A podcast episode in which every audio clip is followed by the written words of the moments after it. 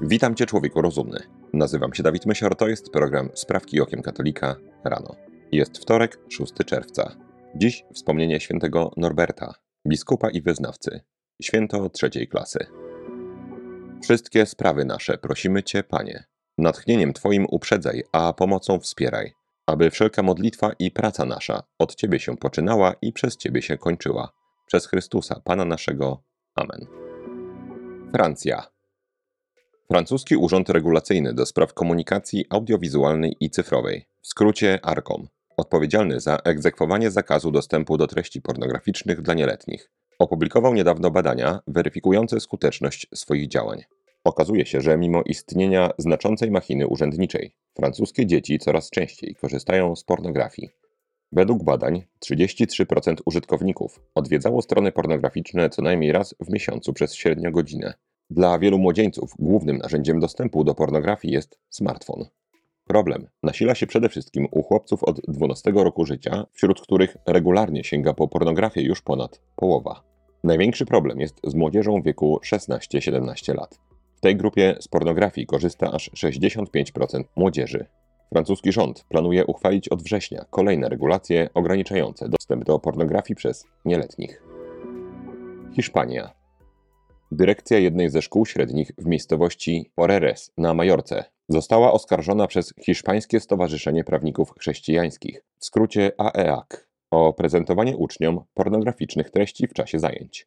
Przedmiotem sporu toczącego się w sądzie jest komiks przedstawiający scenę obcowania nieletniej dziewczyny z dorosłą kobietą. Co więcej, to pornograficzne i anarchistyczne dziełko zostało wpisane jako lektura obowiązkowa dla uczniów w wieku 13 lat.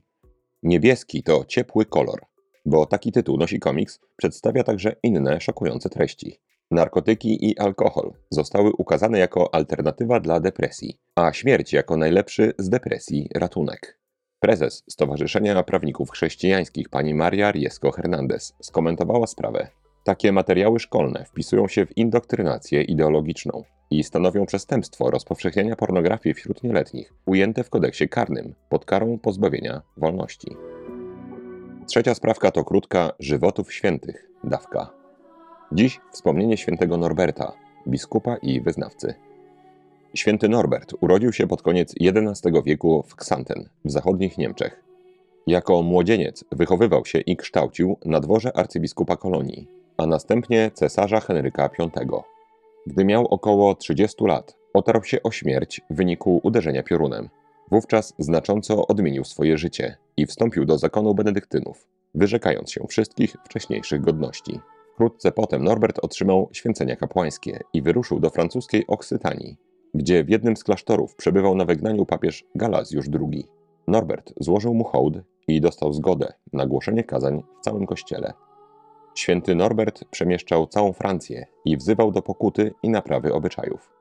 W 1121 roku złożył wraz ze swoimi towarzyszami śluby ubóstwa, posłuszeństwa i czystości, powołując zakon kanoników regularnych ścisłej obserwy Norbertanów. Jako późniejszy biskup Moguncji otrzymał godność kanclerza Rzeszy. Popadł również w konflikt z polską metropolią gnieźnieńską, która de facto uniezależniła się od metropolii magdeburskiej. Święty Norbert zmarł 6 czerwca 1134 roku w Magdeburgu. Kanonizował go pięć wieków później papież Grzegorz XV, dokładnie w roku 1621. Ziemska ojczyzna świętego Norberta, czyli Niemcy. W minioną sobotę w niemieckim Lipsku doszło do kolejnych zamieszek wywołanych przez radykalne lewicowe organizacje. W manifestacji pod dość pokojowo brzmiącym hasłem Wolność zgromadzeń obowiązuje także w Lipsku, będącej sprzeciwem wobec skazania pani Liny E. za ataki na prawicowych działaczy. Uczestniczyło około półtora tysiąca lewicowych aktywistów. Zgromadzenie dość szybko przerodziło się w zamieszki i regularne starcia bardziej agresywnych aktywistów z policją. W wyniku zmagań z tymi dzielnymi demonstrantami rannych zostało około 50 funkcjonariuszy. Policja wskazała natomiast, że blisko 80 manifestantów zostało zatrzymanych. Całe zajście skomentował burmistrz Lipska, pan Burkhard Jund, który powiedział: Niestety, nawet przy demonstracji zapowiadanej jako pokojowa, pojawiają się agresywne osoby skłonne do przestępstw. Demonstracja jest instrumentalizowana. W rezultacie dochodzi do wybuchów przemocy. Stany Zjednoczone. Pod koniec maja jedna z brytyjskich stacji telewizyjnych zamieściła na swoim portalu internetowym obszerną relację z wydarzenia, które miało miejsce w ostatni weekend kwietnia w Bostonie. Mowa o zjeździe satanistów. Podczas eventu zorganizowanego przez The Satanic Temple, czyli świątynię szatana, dokonywano bardzo wielu bluźnierstw, profanacji i szyderstwa z chrześcijaństwa. Jedną z najbardziej popularnych atrakcji był obrzęd odrzucenia chrztu, czasie którego przebrany za biskupa mężczyzna odwiązywał uczestnikom sznury, które mieli zawiązane na szyi, co symbolizowało uwalnianie z więzów, jakie łączyły ich z Chrystusem. Podczas trzydniowego zjazdu miały miejsce także ceremonie takie jak niszczenie Biblii czy przyjęcie nowego imienia.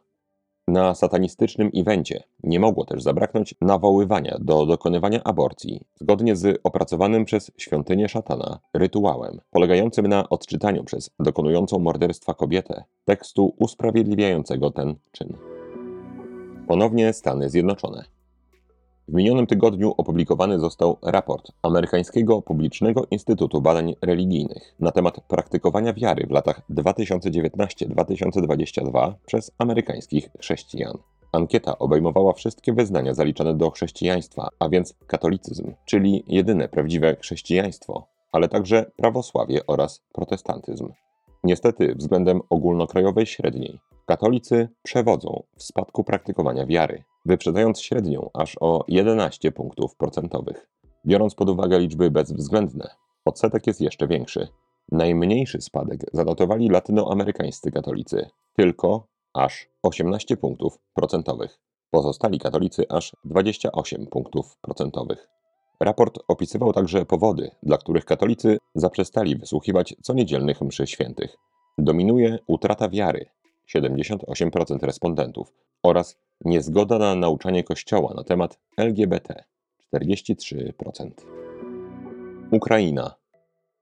Katolicki Kościół pod wezwaniem świętego Mikołaja w Kijowie w dalszym ciągu nie został zwrócony katolikom i pozostaje pod zarządem ukraińskich władz. Według dekretu prezydenta Ukrainy z roku 2002 zagrabiony w 1936 roku kościół miał zostać zwrócony katolikom. Tak się jednak nie stało, a świątyni grozi rozpad przez położoną nieopodal linię metra i brak jakichkolwiek remontów. Hierarchowie kościoła na Ukrainie stwierdzili, że są w stanie pozyskać sponsorów i odrestaurować świątynię, jednak sami sponsorzy mieli zgodzić się sfinansować remont tylko jeśli kościół stanie się własnością parafii. Władze Ukrainy kilkukrotnie deklarowały, że przekażą kościół wiernym 1 czerwca 2022 roku. W czwartek od tej daty minął rok, a korzystnej decyzji wciąż brak. Proboszcz parafii ksiądz Pawło Wyszkowski powiedział: Mimo deklaracji władz Ukrainy, które zapowiedziały zwrot kościoła wiernym, świątynia ta nadal pozostaje w rękach państwa, a decyzja o jej przekazaniu jest blokowana. Polska. Pod koniec maja doszło do kolejnego ataku na katolickiego księdza w Polsce. Tym razem ofiarą pobicia był młody kapłan archidiecezji wrocławskiej, ksiądz Adrian Gałuszka. Ksiądz Adrian szedł jedną z ulic do wrocławskiego klasztoru sióstr Albertynek. W okolicy kościoła świętego Maurycego, położonego w pobliżu centrum miasta, stojąc na przejściu dla pieszych, został zaatakowany w tył głowy.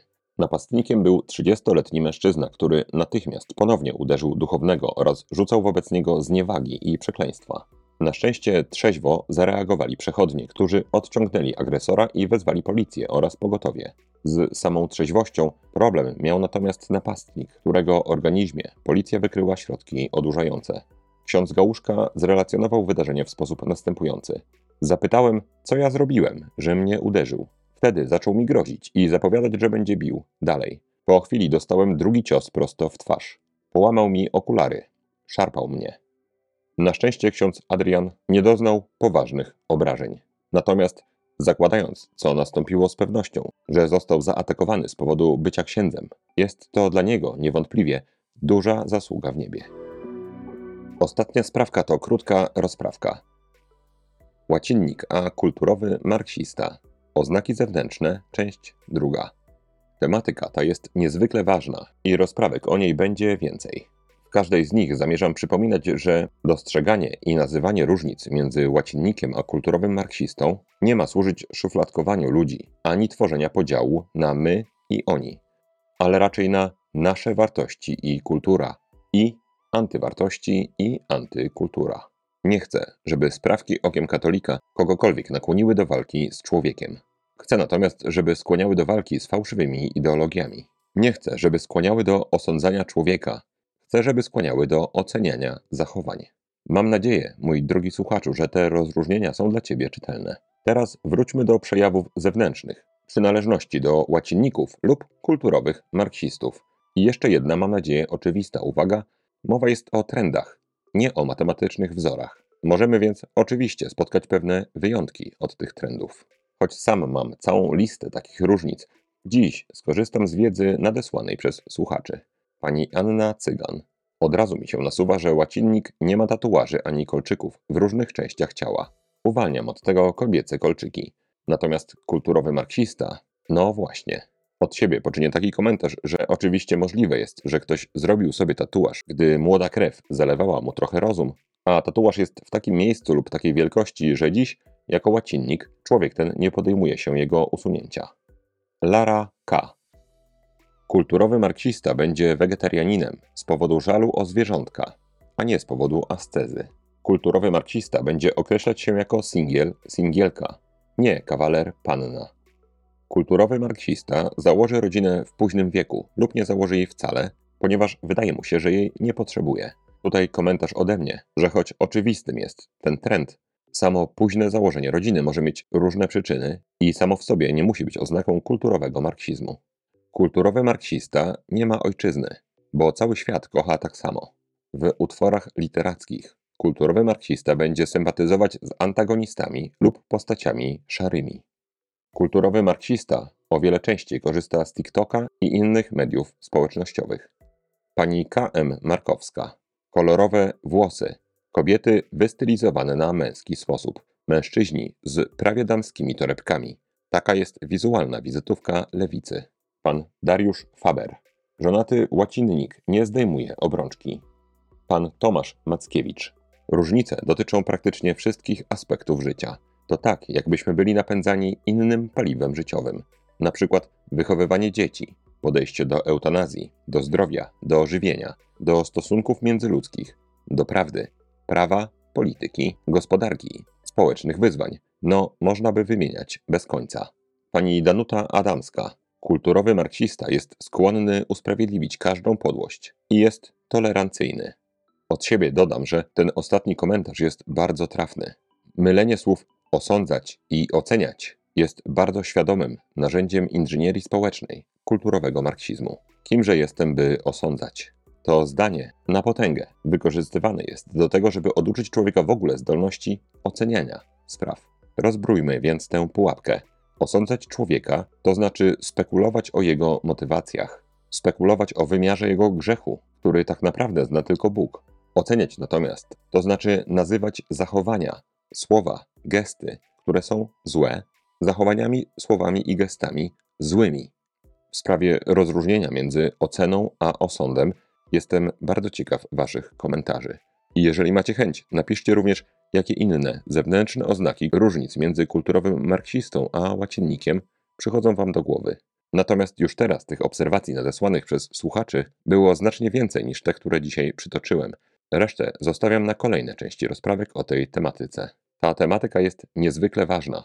I jeżeli Tobie, mój drogi słuchaczu, przychodzi do głowy, po co szukać podziałów, mam nadzieję, że całkiem niedługo zrobię rozprawkę o działalności Gazety Wyborczej po roku 1989. Tam przez całe dziesięciolecia było urabianie polskiego społeczeństwa do tego, żeby nie dzielić. W wielkim uproszczeniu chodziło o to, że komuniści położyli łapy na niemal całej Polsce, a gdy ktokolwiek chciał o tym mówić, halo, tu są patrioci, tu są ludzie, którzy mieli Bóg, honor, ojczyzna, jeszcze za komunizmu. My nie dostaliśmy nic. Komuniści wzięli prawie wszystko.